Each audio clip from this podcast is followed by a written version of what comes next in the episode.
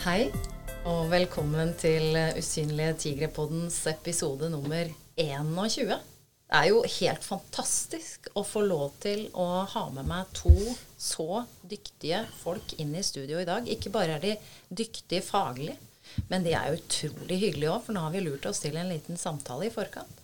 I dag så skal vi snakke litt om eh, det å være foreldre eh, i forhold hvor noen hvor partneren ruser seg, og det å være foreldre til barn, ungdommer som ruser seg.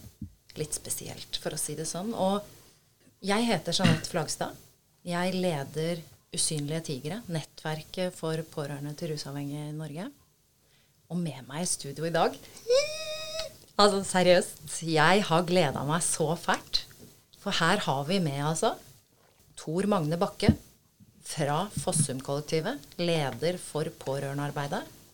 Og vi har med Hedvig Montgomery, altså foreldrekoden. Vi snakker eh, den som er for, vårt fyrtårn for barneoppdragelse i dag.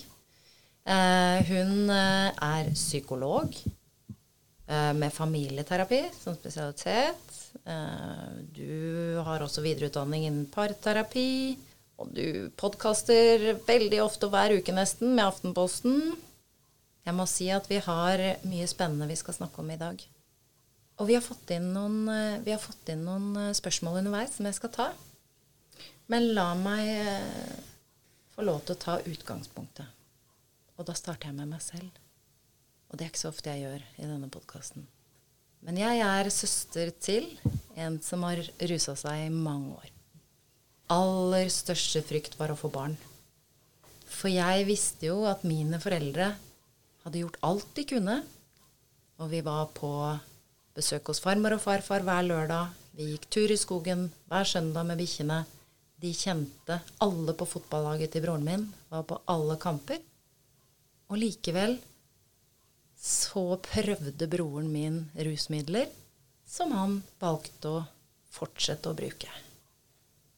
Så det å få barn, det er det som er så fint i denne episoden her. For her skal jo få all, alle svarene, selvfølgelig. Ah, hele fasiten på hvordan gjør man dette her, da.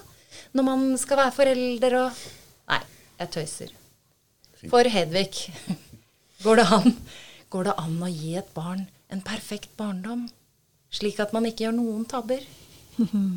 Nei, altså det går jo an å leve et godt liv med barn i hus. Og det går an å gi barna det de trenger for å kunne lage seg en grunnmur. Det er det vi foreldre kan gjøre. Men så er det så mye. altså Det å leve er jo ikke bare én ting.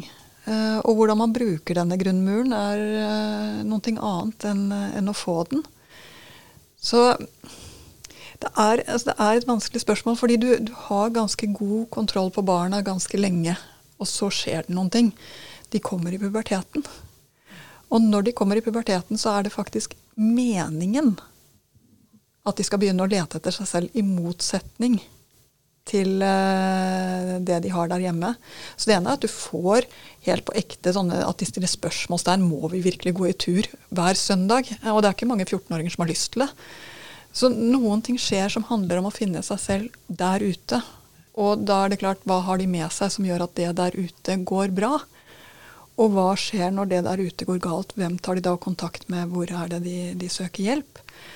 Så den perfekte barndom finnes ikke. Absolutt ikke. Men det finnes gode barndommer. Og den perfekte tenåringstid finnes ikke den heller. Det finnes så mange måter å gå gjennom den på. Men det finnes måter å holde tak i barna når de trenger det, også i tenåringsfasen. Oi. Og det ble jeg veldig nysgjerrig på. Måter å holde tak i barna på også i tenåringsfasen.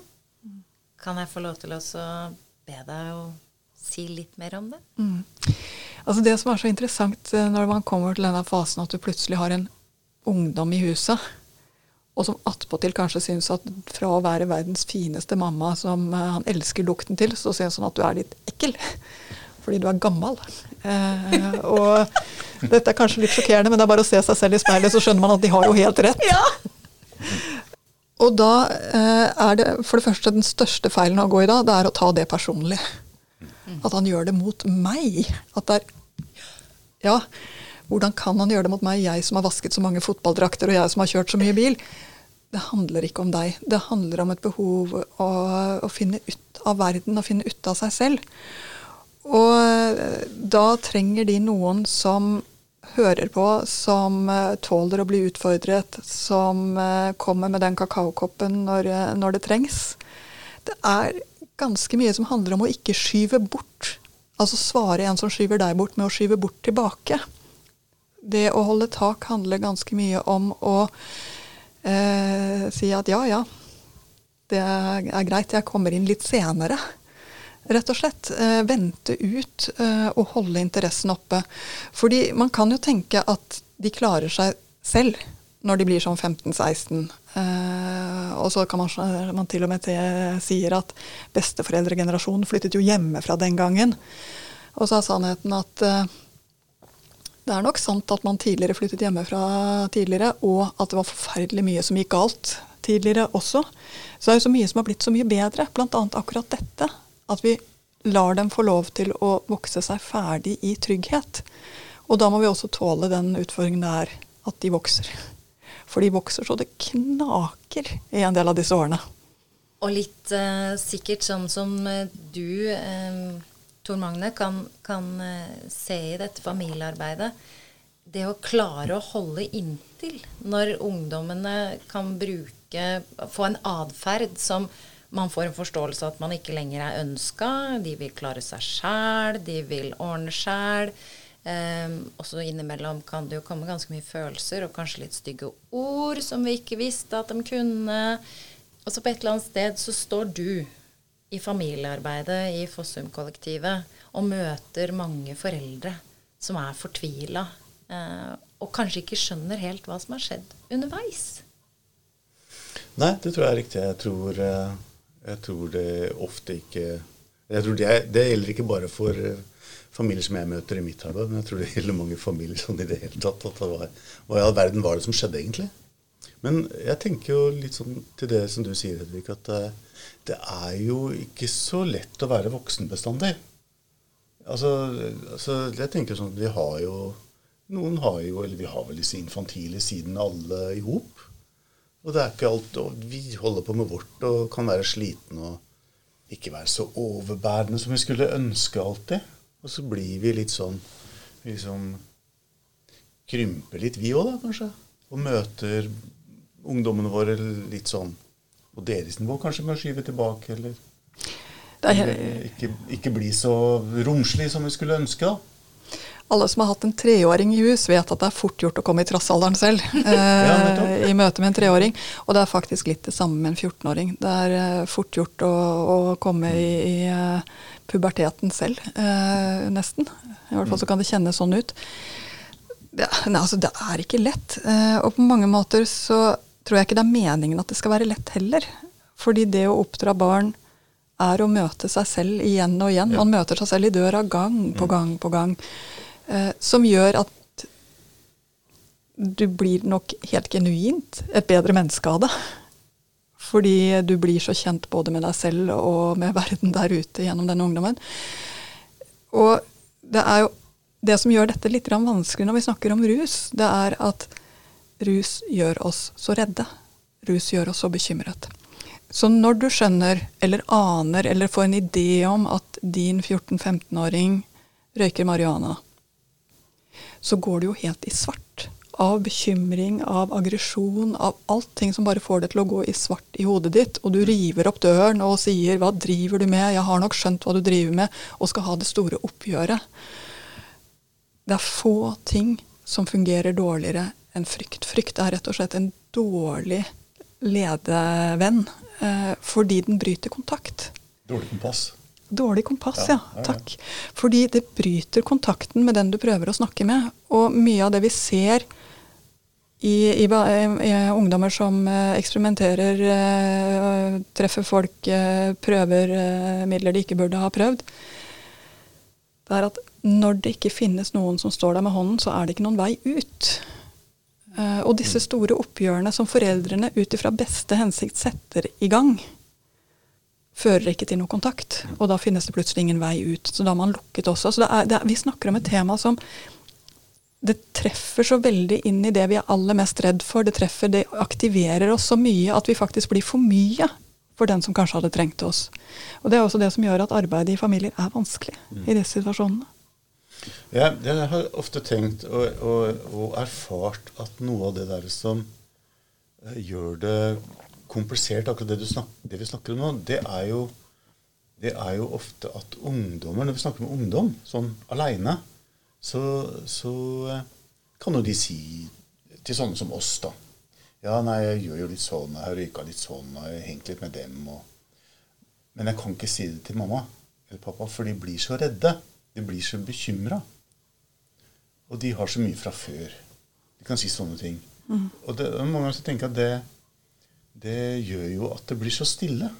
At liksom sjølve utfordringa, hvis man skulle kalle det det, eller hvis ungdommen selv har tenkt at ja, dette er kanskje ikke det lureste jeg holder på med, liksom, men jeg veit ikke helt åssen jeg skal komme ut av det, så er det ingen voksen der som, som tåler virkeligheten, da.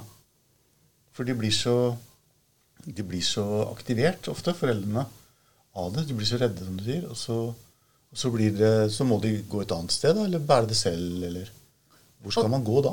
Ja, det er det jeg lurer på. Fordi det vi ønsker å bringe, er jo kunnskap og innsikt om både rus og rusproblemer, og hjelpetilbud, og ikke minst pårørende. For jeg har en mamma som har skrevet her. Hun skriver om hvordan skal jeg håndtere alt dette, hjertesmerten på veien og eh, Ja, når man har hatt da Hvis jeg tar et eksempel her nå. Mm. Eh, en, en, et barn som har valgt å ruse seg, eh, har også to yngre barn som, eh, som bor hjemme. Eh, store utfordringer. Eh, Atferd og rus. Altså det har vært på en måte ganske heavy, rett og slett. Altså det har vært vold, og det har vært katastrofealarmer stadig vekk. Mm. Og hun skriver vi som foreldre opplever at vårt indre kompass i forhold til moral og etikk har fått seg en real filleristing. Hvor er vårt moralske kompass nå? Hva skjer med oss når disse problemene skjer i familien? Og så har du to små, enda mindre barn der, som står og ser på alt dette som skjer. Dette er, uh, dette er et eksempel på the boiling frog. Oi, hva betyr det? Nei, ikke sant? Det er en kokende frosk? Ja, Hvis du liksom putter en frosk i kaldt vann og setter på plata ganske lavt, så vil den ikke hoppe ut. Den vil, den vil tilpasse seg det vannet som sakte varmes opp helt til det koker. Ja. Sånn er det ofte i uh, rusfamilier. Man venner seg til, sakte, men sikkert, den tøyingen av moral eller verdier, eller gi slipp på egne grenser, eller egne moralske kompass. da. Så man strekker seg? Kan det gjøre? Kanskje. Eh, det er, jo rart når, hvordan et problem Det er liksom eh, Hvordan skjedde dette? Nei, først gradvis, og så plutselig. er vel eh, kanskje den mest presise litterære referansen jeg kommer på. Og det gjelder så mye. Problemene vokser seg litt frem i en eller annen underskog, eh, men så plutselig så er de helt uhåndterbare. Og da kjennes de helt uhåndterbare ut. Og hun spør hva skal jeg gjøre for noe.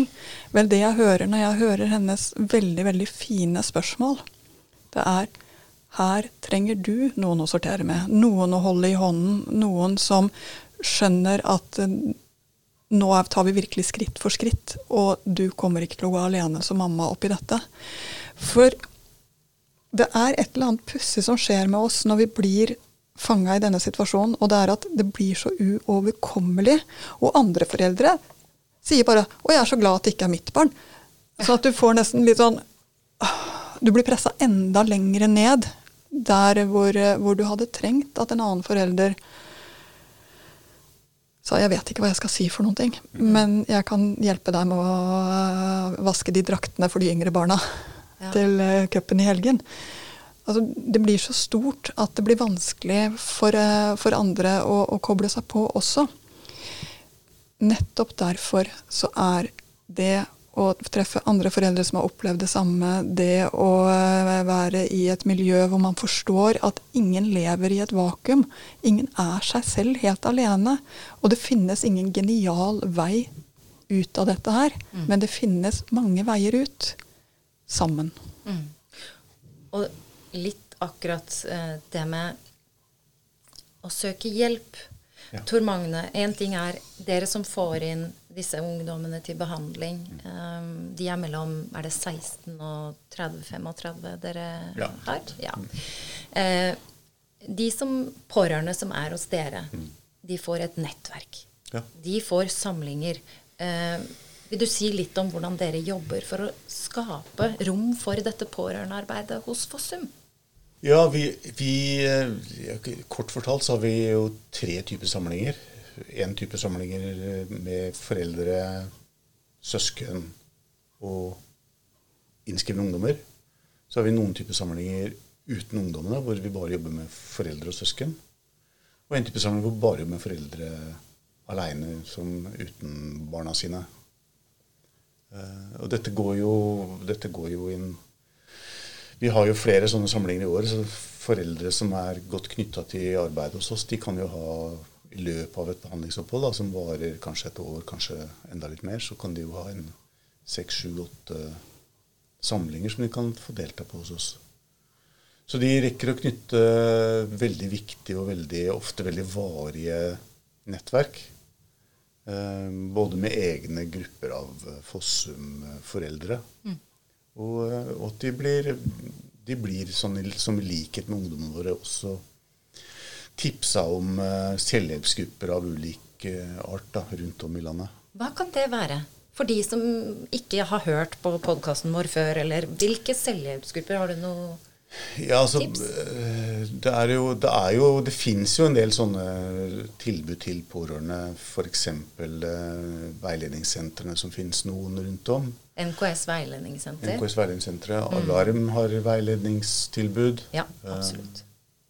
Uh, Og så har vi jo uh, de som, disse, disse mest kjente selvhjelpsgruppene som finnes innenfor rusverdenen, som er AA, som er anonyme alkoholikere, og NA, som er anonyme narkomane, har jo ofte hver sine tilbud for pårørende, som er Alanon for A AA og Naranon for NA.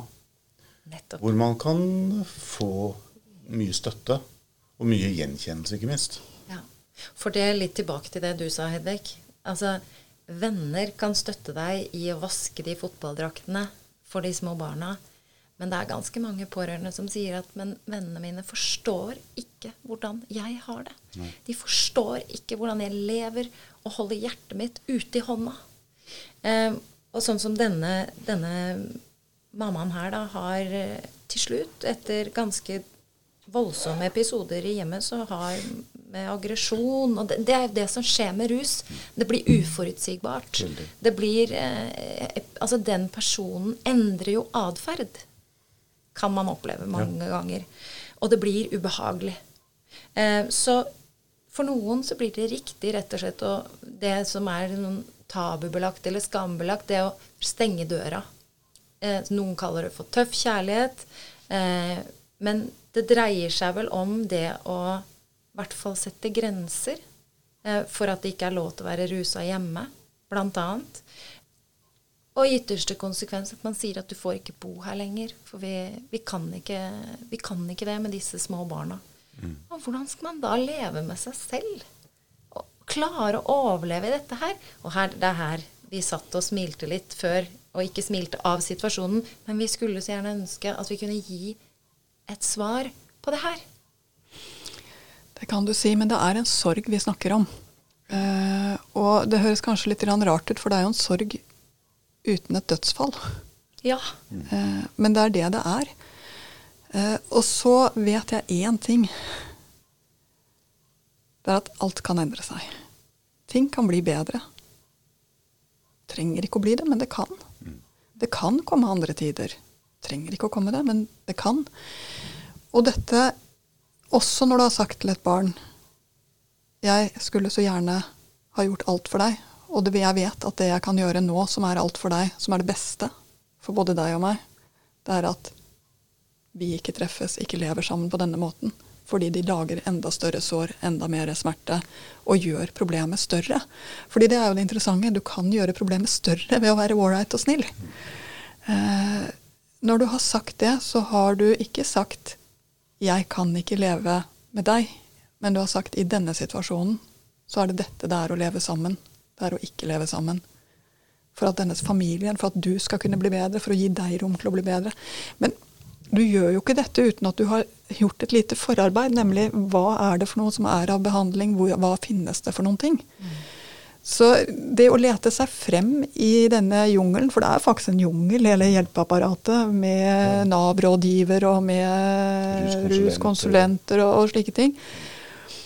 Det er en ensom reise, det også. For prøv å snakke med en tilfeldig nabo om hvordan det var å snakke med ruskonsulenten. Og du vil få et ganske altså blankt blikk tilbake. Mm. Men jeg tenker jo ikke at den situasjonen med å lukke døren for et barn som akkurat nå bare blir dårligere av å være sammen i denne familien, jeg tenker ikke at det er tøff love eller å, å, bryte kontakten. Jeg tenker at det er den situasjonen vi står i nå. Hva tenker du om det, Tor Magne? Uh, ja, det kan jeg tenke ganske mye om. Og har jo Veldig mange av våre pårørende har jo erfaring med dette. No, og, og det, er, det, er, sånn som du sier. Er, jeg tenker at det er en egen, ganske langvarig prosess å klare å komme dit hvis man skal dit. da. Det er jo veldig, det er jo veldig Man kan ikke gi et sånt generelt råd fra denne stolen og si at dette er det lure å gjøre. Nei. Men, men um, noen av våre pårørende har jo erfart at det var det som førte til en snuoperasjon hos ungdommen. Men det kan man jo ikke vite på forhånd. Mm. Og man må også på en eller annen måte kunne leve med det konsekvensen av det. Mm. Men jeg, tror det er en, jeg tenker ofte at det er en forskjell på de som gjør denne manøveren som et grep for at det skal skje noe med ungdommen, og de som gjør det for å verne om seg selv. For å verne om sin familie, sitt ekteskap, sitt arbeidsliv, sine andre barn. Um, for å si at uh, vi kan ikke ha deg i hus. Det, du setter huset på ende. Jeg fungerer ikke som uh, mamma eller pappa. Jeg fungerer ikke på jobb. Det går ikke, liksom.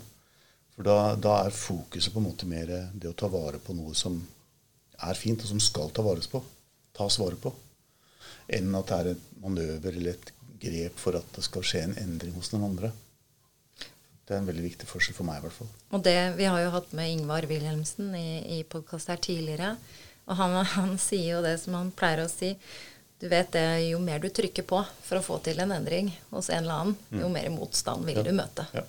Eh, så den derre eh, automatiske foreldregreia som, som, vi kan kjenne på at mm. ja, ja, men du må jo bare. Du må jo bare slutte og ja. du må jo bare, fordi at da får jo vi et vanlig liv igjen. Eh, og du òg. Eh, den, den, finner jo ikke noe feste. Tvert imot. Den mm. finner jo ganske mye mer motstand eh, tenker jeg. Og så får jeg litt lyst til å bringe dette litt videre til de små barna i familien. Um, og så kan vi vri denne situasjonen litt over i, i en parrelasjon.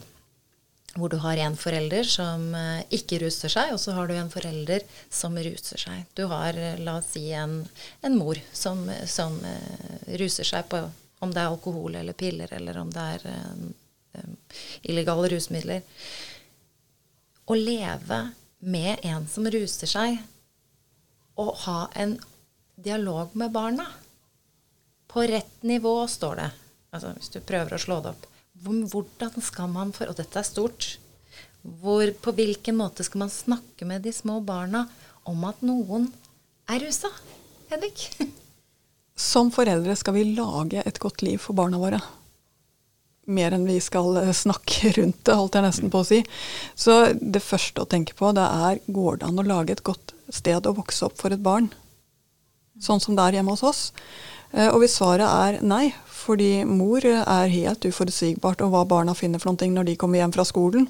mm. kan være alt fra nybakte skolebrød til, eh, til at hun ligger med nedrullede gardiner og ikke er mulig å komme i kontakt med så ville jeg ha sagt at nei, det går faktisk ikke an å snakke med barna på en måte som gjør at dette blir annerledes. Dette er et problem.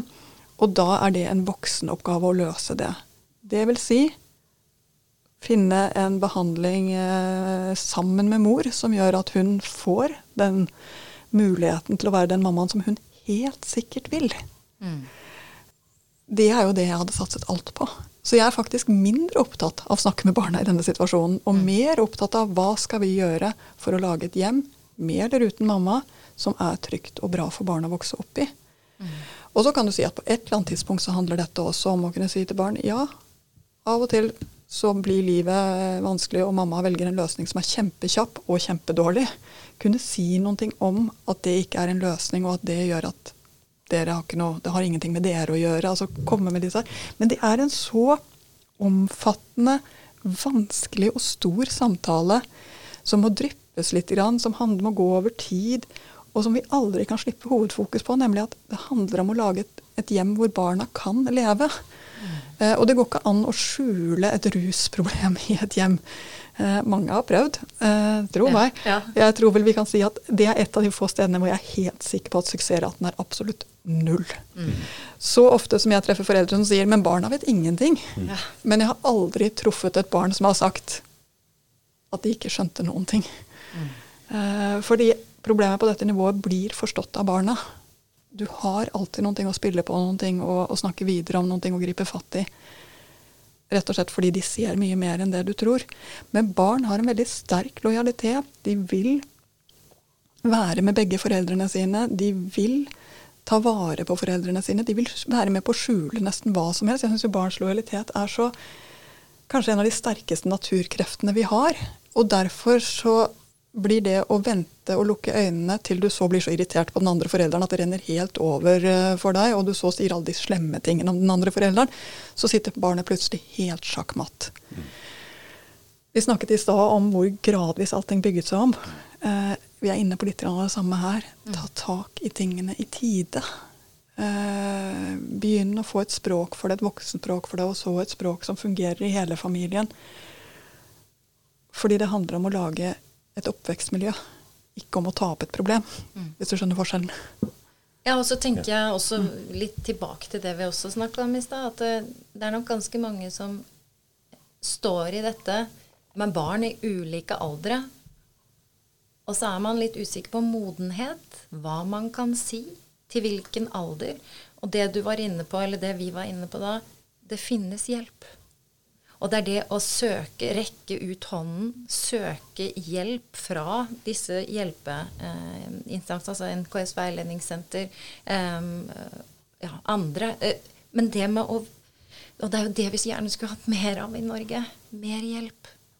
Mer hjelp til, til foreldre. Hvor skal de henvise seg? Hvis du en annen som skrev inn til meg før denne episoden, hun skrev at du kan google mye om liksom, hvordan det er å være foreldre til barn som ruser seg og sånn, men jeg er mamma, og jeg har kjærlighetssorg. For jeg har mista mannen min. Og han ja. velger rusen igjen og igjen. Og hva skal jeg gjøre med barna? Og nå er jeg utslitt, og jeg har kjærlighetssorg, og jeg er alenemamma, og han vil ikke innse at han har et rusproblem. Og han velger rusen det har vært hjerteskjærende å gjøre det slutt og kaste han ut. Og hva gjør jeg nå med barna? Det er så mye følelser i dette her. Man håper og håper, men hva, man er så redd for å ødelegge barna også. Så hvordan kan man være seg selv? For det er også en ting Du skal være en omsorgsperson for dine barn. Og inni deg er du kanskje også innimellom rett og slett føler deg som et barn. Sårbar utrygg. Hvordan, hvordan manøvrere? Det er ikke akkurat noe boost for selvtilliten å være kjæreste med en som øh, Velger rusen? Nei. nei. Det er vanskelig å føle seg som prinsesse eller prins da. Uh, så kanskje er det litt av det som er problemet. Du får jo så nedslitt selvtillit ja. av, å, av, å, leve i denne parrelasjonen. Og det har jo pågått lenge før vi kommer til denne spissa situasjonen her. Mm. Nemlig at du er blitt slitt ned, mistet troen på deg selv, tenkt at du ikke får til. De spede forsøkene på å ta det opp fører jo ofte til at du blir lurt. Ja. Så har du blitt lurt igjen. Og igjen. Og sannsynligvis noen flere ganger til. Som forelder så er det helt utrolig rart at den banale tingen Du må leve et liv i sannhet for å kunne lage et liv for barna som eh, er trygt. Og du må leve et liv i sannhet for å lære barna å være sanne mot seg selv. den kommer vi tilbake igjen til igjen og igjen. Og når du har blitt lurt så mye som det du har blitt som, på, som eh, kjæreste her, så smuldrer det veldig opp. Da kan vi snakke om et moralsk kompass som har kommet i ubalanse. Så hva jeg hadde rådet til for noen ting? Ja, tenk at det er helt ned dit du skal. Du skal ned til grunnfjellet ditt og tenke gjennom eh, hvilke venner har jeg, hvilke, hvem i familien min er der faktisk. Hva er mine sannheter? Hvem på jobben kjenner jeg godt nok til at jeg liker å bare sitte og være stille sammen med vedkommende? Hva finnes for noen ting av gode krefter som jeg har lyst til å dras mot i mitt liv? For du må ha kontroll på de gode kreftene som du vil dras mot for å kunne lage et liv med mer av det for disse barna som du også har. Og du er sannsynligvis blitt like forvirret som et eh, kompass som har ligget oppå en magnet når du har levd i dette kjærlighetsforholdet i flere år. Og hva kan du si litt sånn om eh, dere, dere, Du har jo En ting er vel å bringe det over i familiearbeidet da, og rusproblemer, Tor Magne. Eh, du kan jo se hvordan familier sammen lærer seg Eh, på en måte både om avhengighet, om rusproblematikk, om tilfriskning. Den kunnskapen som familien sammen får hos dere. Mm. Hvordan påvirker det familien? Da, altså, hva kan skje med en familie som kan komme inn med hvert sitt perspektiv? Jeg tror noe av det magiske som av og til kan skje, det er jo at en familie sammen får noen ord. Får noe språk, får noen begreper, noen fenomener som har vært i familien deres, som, som har vært så stille og uforståelige og, og helt, eh, at det har vært helt sånn taust omkring. Det er, det er, jo litt sånn, kanskje en sånn, litt sånn forslitt metafor er jo denne elefanten i dagligstua ikke sant? som alle, alle ser, men ingen, uh, ingen peker på. Men, men, det at denne elefanten får noen ord, får noen begreper, blir, min, blir mindre hemmelig, da. Eh, det er jo ofte sånn i rusfamilier, er i hvert fall vår, eh, vår erfaring, at, eh, at, det er så mye å skjule. At det, det, blir en, det, blir en, veldig rask mekanisme ofte. Og da, og da blir, mamma, blir, mamma, eller pappa stille og skjuler, så er jo barna selvfølgelig overlatt til det samme skisma. ikke sant? De klarer jo ikke å snakke, de heller da. Så det, det der som du er inne på, Hedvig, altså sånn få tak i ordene, få tak i noen hvor det går an å snakke sant om ting. For man må, man må snakke, man må liksom punktere de hemmelighetene. Skal barn ha noe sjanse til å liksom få brutt dette mønsteret? Jeg tenker veldig sånn. Kan jeg spørre da Hvis man skal si til et barn ja, å, å ta hull på den elefanten hva sier man da? Hvordan kan man si det? Nå, nå spør jeg rent faktisk, rent praktisk. Altså, alder fire år, her har du svaret. Alder åtte år, her har du svaret. Nei, eh, men, men, hvordan setter man ord på på en ok måte til et barn? At søstera di sånn, eller pappa, eller mamma Altså, dette kan man jo lure på. Til tider så ser man jo mer eller mindre vellykkede offentlige forsøk på å komme seg ut av vanskelige situasjoner med rusbruk med å skulle si noen ting om at livet har blitt så vanskelig. Jeg vet ikke. Jeg tror at eh, med en fireåring hvor storesøster er skikkelig tenåring og er skikkelig ute på å kjøre, så er det det vi sier. At nå har eh, søsteren din det så vanskelig. Hun er sammen med mennesker som vi ikke kjenner og som vi ikke vet så mye om, og vi er skikkelig bekymra for henne. Så du begynner der. Ja, ja. Mm. Du begynner rett og slett. Og når eh, pappa eller mamma, som i vårt tilfelle, som det du lagde i stad, ligger der på sengen med, med pille og alkohol, så må du bare si det. Nå har mamma Hun er skikkelig sjuk. Skikkelig dårlig. Og det må vi, hun kommer til å bli bra, men vi må, det er, akkurat nå står vi oppi det som familie. Altså det er, du kan godt si at det er uten grunn at det er tabu med, med, med rus, men det er jo ikke helt uten grunn heller. Um, det er et nederlag å ikke klare å kontrollere hva du drikker, eller hva du tar av tabletter, eller hva du uh, tar av stoff. Det er et skikkelig nederlag. Men det er et nederlag som påvirker alle i familien, uh, og som man sånn sett på en måte deler. Og når man deler det, så er det også noen ting med hva, hva gjør vi med det? Hva gjør det med oss? Det farligste som skjer, er nettopp det du ser, nemlig at man ikke snakker om det. Og jeg tror jo den største effekten når du kommer på en pårørendesamling, det er den helt overveldende vi er ikke alene. Ja. Det er helt sant. Det finnes andre slike familier. Og jeg tror nesten det er det første. Eh, For hver gang jeg har barn som er innom, enten det er kroniske lidelser i familien, eller det er sykdommer som har kommet, eller hva det er for noe, ting, noe av det første jeg gjør, det er å begynne å vise frem andre familier.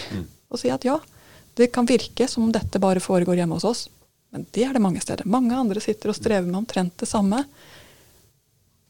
Så ja, dette kan vi få til. Eh, og det er en veldig viktig perspektiv for barn. For barn, Det verste barn vet, er for Hjemme hos oss er det nemlig sånn at mamma drikker. Og det kommer ikke de andre barna i barnehagen til å nikke til. skjønner du? Det er ikke sånn det fungerer. Eh, så, så barnet får jo ikke noe sted å dele det. Det betyr at vi må kunne snakke om dette på en måte som både gir barnet en forståelse og et sted å kunne dele det. Så vi snakker om selvfølgelig om denne ene eller bitte lille familien med mamma, pappa, barn kanskje. Eller mamma, mamma, barn, hva vet jeg. Men vi snakker jo også om besteforeldre, vi snakker om venner, vi snakker om dem som eh, vi feirer 17. mai med. Vi snakker om det der større. Så jeg tror jo av og til at vi blir litt for fokusert på hvordan skal jeg snakke med barnet. Vel, først må du begynne å snakke i det miljøet. eh, og lage et støtteapparat rundt oss som familier som tåler alle de forskjellige perspektivene. Alle de forskjellige situasjonene som vi er i. Så det er ikke noe fort gjort. Det er ikke å stikke hull på elefanten. Dette er virkelig å spise en elefant bit for bit. Ja, det er akkurat det der. Hvordan kan man eh, lage det var, Hvordan var det du uttrykte det? Lage det nettverket, eller lage det rommet. Eh, jeg bare prøver å tenke på for de som lytter og tenker ja, det, det hadde jeg trengt, men hvor hen går jeg? Eller hvordan kan jeg? Er det da Alanon eller Narranon eller Hva, hva, hva Det er jo- tenker vi? Det er jo et alternativ, selvfølgelig. Men jeg, jeg er jo sånn Tenker jo mye sånn fordi at, at eh, ja, Altså, vi har jo laga Vi har jo på en måte konstruert et samfunn som, som er Kjernefamilien er jo mye overlatt til seg sjøl. Og det er jo en ganske det, Kjernefamilien er en ganske skjør konstruksjon. Som skal liksom tåle alt da, av det som livet har å by på av, eh, av utfordringer. Det, det, gjør, det gjør ikke alle kjernefamilier så godt. Så, det, så jeg tenker jo mye sånn at det der å utvide ja, hvem, hvem andre har vi i familien eller, i nettverket? Besteforeldre, venner som liksom enten er allerede er, er til å stole på eller kan inkluderes. Jeg tenker jo tenker, Det er jo eh, Altså, jeg er jo veldig glad, altså, sånn, jeg er veldig glad for å jobbe i, et, i en behandlingsverden der jeg syns at vi får ting til. Men jeg tenker jo ganske ofte at ja, ja. Et, et år på Fossum eller halvannet år på Fossum, det er jo ganske kort tid i et menneskes liv. At vi, er, vi er liksom, kan jo synes at vi er kjempeviktige. Men det er familie er jo der hele livet. Familie er jo de som virkelig holder ut med folks uh, ups and downs og alle, alle hånde sider. Altså. Det er jo de man må liksom Og- gjøre bærekraftig. Og der må jeg bare hoppe inn, for det er en liten oppfølging til, til en, et av de spørsmålene jeg fikk. Fordi når, når så mye har skjedd, det har rent så mye vann i elva her, det har vært så mye vanskelig, så mye vondt, så mye vonde følelser og reelle øh, øh, rystende episoder, at relasjonen tar skade. Altså forelder-barn-relasjonen er det vi snakker om her nå, da. Hvordan gå inn i dette og klare å reetablere når du, når du vet at nå, rusavhengig, tillit Det har vært mange tilbakeslag. Ja, nå stiller jeg veldig vanskelige spørsmål, men det, dette her står folk oppi, da. Hvordan skal jeg klare det her? Å etablere, reetablere, åpne hjertet igjen? Jeg må si at eh, det begynner nesten alltid med at du innser sannheten selv. Og jeg må dessverre si at den gode gamle papir- og penn-metoden er faktisk noe av det mest effektive eh, vi har. Ja. Slik har jeg det nå, kolon. Skriv ned. Hva kommer det av, kolon? Skriv ned. Kjenner jeg noen som kan tåle å høre dette, kolon? Skriv ned.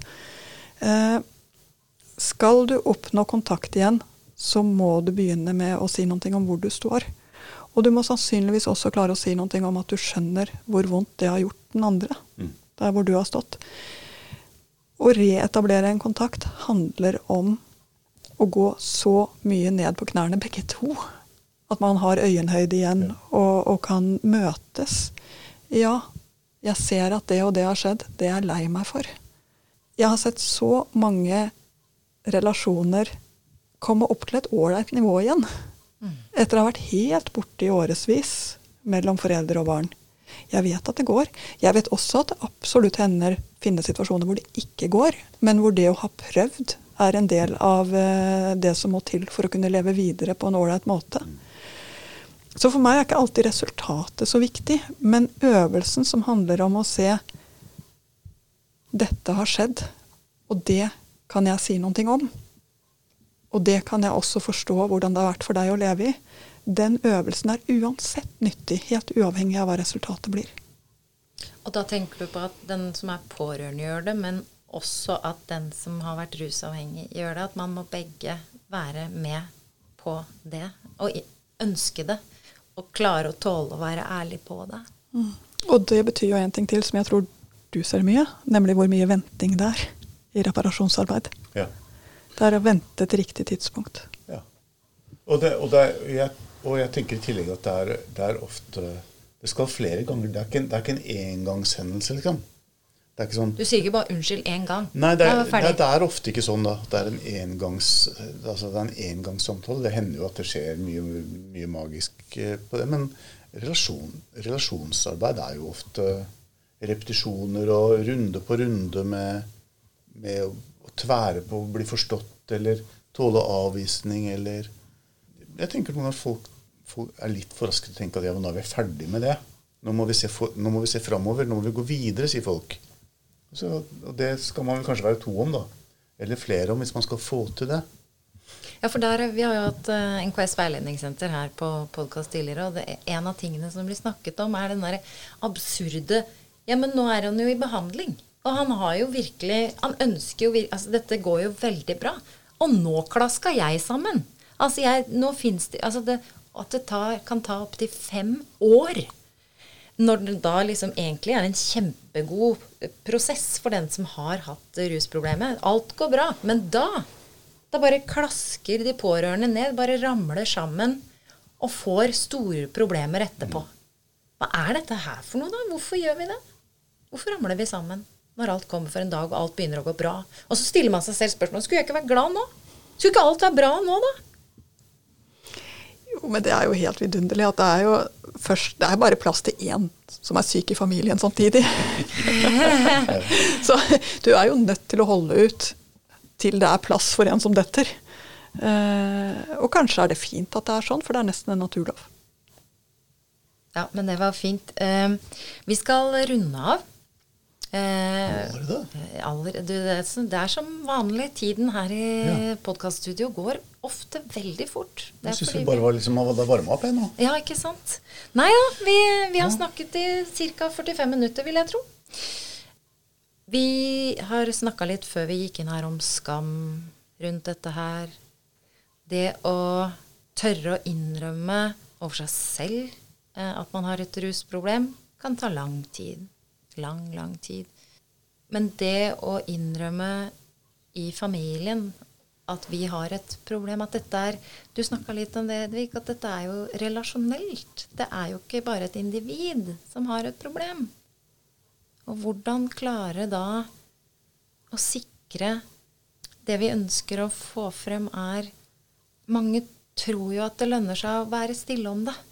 Mange tror jo at, at barn ikke tåler nå er vi på barn igjen, da, som pårørende. Mange tror jo at barn ikke tåler sannheten, ikke tåler Men er det av, noe av det vi i hvert fall har snakka om i dag? At det er åpenhet om situasjonen, i hvert fall, er viktig?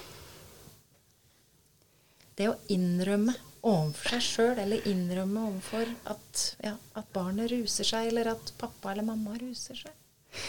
Jeg tror det er noe engang slik at når en i familien har et rusproblem, så må faktisk alle sammen skjønne litt mer hva rus handler om. Eh, sånn som, det blir litt feil. Det er ikke så enkelt som at Jeppe drikker. Eh, vi hadde ikke hatt noe skuespill hvis det var så enkelt. Fordi det handler om et sett sett av ting. Eh, jeg sier jo det at problemet med rus kommer jo før problemene kommer. Problemet med rus er at det fungerer så himla bra. Du blir Ja, det virker. Du blir avhengig av en grunn. Eh, og de som ruser seg, eller vi som ruser oss, er ikke noe dummere enn andre. Eh, er ikke noe dårligere mennesker enn andre. Er ikke noe eh, feilvare på noe vis. Men et så kraftig middel som mange rusmidler er, er rett og slett vanskelig å, å håndtere. Det er å ha en tiger mm. hjemme. Jeg tror at noe av det som Når man skjønner at nå har jeg havnet med en slik kjæreste, så må du skjønne litt mer av hva det er for noen ting. For både å kunne ta kontroll over, over det og komme deg ut av det, eller eh, få til en dynamikk som handler om å å sammen kunne komme seg ut av det. Eh, men det krever altså kunnskap og forståelse. Kunnskap og forståelse. Og det samme med barn. Barn kan bære ganske mye, men ikke hvis det er hardt og ikke forstått. Så barn trenger at du forstår for at du skal kunne ha en samtale som er rund nok, myk nok, klok nok, til at de kan tenke ja, sånn er det. For når barn får den Ja, men du vet, pappa er jo glad i å drikke så er det ingenting. Altså, nå har det vært nå er det så mye som, eh, som fungerer dårlig. Jobben ble borte, eh, pappa drikker for mye. Da er det ikke noe lett å være barn hjemme heller. Da kan barnet nikke til det, for det kan jeg love at dette barnet vet. Og så kan du si og jeg ser at det er vanskelig for deg, og det er nettopp derfor vi nå må begynne å leve sammen på en litt annen måte eller gjøre litt andre ting. Altså Det er noe med den forståelsen som kommer før ordene, som du som voksen har ansvaret for når du snakker med barn. Og det er noe med den forståelsen som kommer før ordene, som gjør at du blir noe mer enn en som dømmer, en som allerede kanskje føler seg naken og dømt.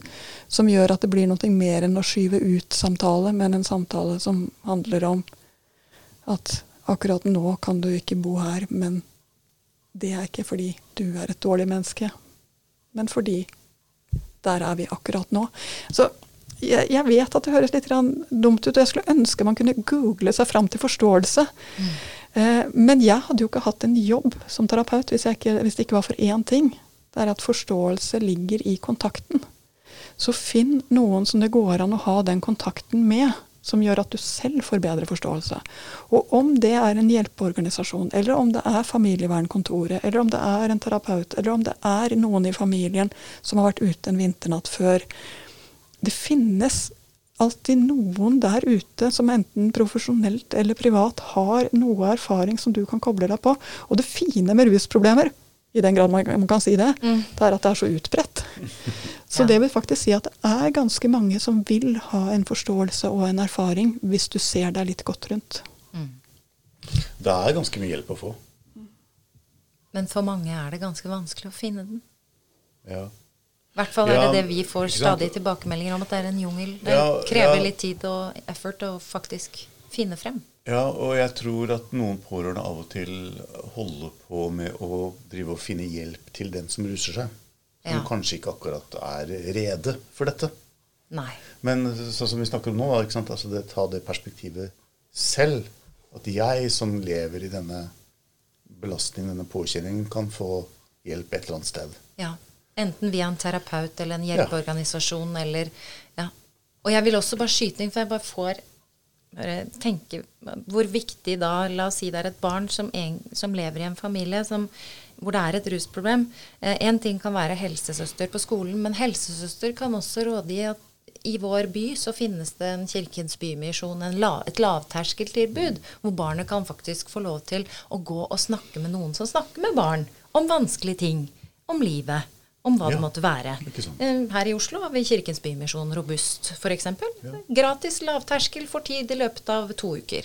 Ja. Eh, og dette finnes forhåpentligvis flere steder, men nå blir det veldig Oslo-relatert. Men, men, disse samtaletilbudene som fins både for voksne og barn, det, vi, det, må, vi, det må, vi, klare å, å det, skal vi, det, skal vi, sørge for i Usynlige tigerpodden, og få enda mer ut. For det er viktig, den hjelpen som finnes. Ja. Ofte er det veldig fint for barn å snakke med noen sammen med sine voksne. Ja. For oss som er familieterapeuter, vi heier jo litt på det. At det ikke skal, ikke skal separeres opp, sier Mari. ja, sant. Sant? At man er der sammen. At det også, Den samforståelsen som vi også har vært inne på, som dere bringer i Fossum-kollektivet, tar vi det ut av Fossum-kollektivet og inn på Robust, f.eks., da, Kirkens Bymisjon. Kan man sitte der sammen og få det språket. Få den kunnskapen. Sørge for at man kobler på at dette er noe vi snakker om. Og så tror jeg vi skal huske på den helt gode gamle. Når du eh, er ute på denne flyturen, og det blir turbulens og disse maskene faller ned, så har vi jo lært oss én ting. Ta på din egen maske før du hjelper andre. Og det hjelper, gjelder faktisk her også. Det er noe med å finne det som gjør at du kan stå i det. Før du begynner å løse problemene for alle andre i familien. Og spesielt vi eh, Nå er jeg kanskje litt fordomsfull, men jeg tror mange kvinner har en tendens, beklager det, altså, har en lei tendens til å skulle, skulle fikse andres problemer før sine egne. Eh, det er ingen styrke når det kommer til det å bygge en eh, sterk familie. Du må spise den sjokoladen først. For å få energi nok. Flott. Tusen hjertelig takk. Er det noe Nå skal du få lov, Tor Magne. Er det noe du brenner inne med? Er det noe som du tenker vi i denne episoden eh, burde sørge for å få med? Ja, Ja. det er det. Jeg syns det er veldig interessant å, å snakke om det her. Jeg, jeg synes det er Jeg tenker stadig på det. Altså det, å, det å jobbe med ungdom og det å jobbe med liksom vanskeligheter. Og det handler for meg ganske mye om løsrivelse. Er et tema hele tiden. Disse ungdommene eh, Altså eh, Ungdommer skal løsrive seg fra folka sine. Det er, jo, det er jo ofte tukla litt med når det har vært rus i familie, eller, eller vanskeligheter av en eller annen art. da. Så er det, så er det en greie. Men løsrivelse det, det, det er jo det vi jobber med, egentlig. Det er det vi jobber med i behandling også. Terapi er jo ganske mye løsgivelse, det òg. Enten fra sin egen barndom og vanskeligheter som har vært, eller løsgivelse fra eh, sin egen oppvekstfamilie skal jo ungdom igjennom.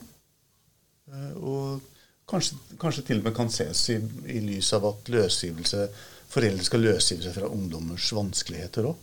Når det får så stor innflytelse på et familieliv. Som skal lages sunne og, og eh, gangs menneske, som det heter. Helt før i tida, i hvert fall. Og på norsk betydde det Bli skikkelig folk. bli skikkelig folk. Som, Rett og slett. ja. som bryr seg om andre og ja. Skulle ønske vi kunne løst alle disse utfordrende og vanskelige situasjonene. Husk alltid på én ting. Når det kommer til det vi snakker om nå, så er livet ganske langsomt. Vi har tid, og Ja. det kommer hele tiden ny tid. Så vær mer opptatt av at det er tid, enn av å skulle gjøre det absolutt riktig i ethvert øyeblikk. For da snubler vi oss selv hele tiden. Så tiden kommer. Vi har tid til å ta disse samtalene igjen og igjen, både med hverandre og med de der ute. Det er langsomme prosesser. Det er det. Og det er også en langsom prosess for mange å erkjenne at de selv har et rusproblem, for de som har det. Og så kan det også være en langsom prosess å erkjenne for de som står rundt, at den de er glad i, har et rusproblem. Fordi det gjør vondt å sette den merkelappen. Men det fins håp, og det fins tid, og sammen er vi sterkere. Skal vi avslutte med det? Fint. Tusen hjertelig takk for at dere kom, begge to. Tusen takk for at vi fikk komme. Tusen takk.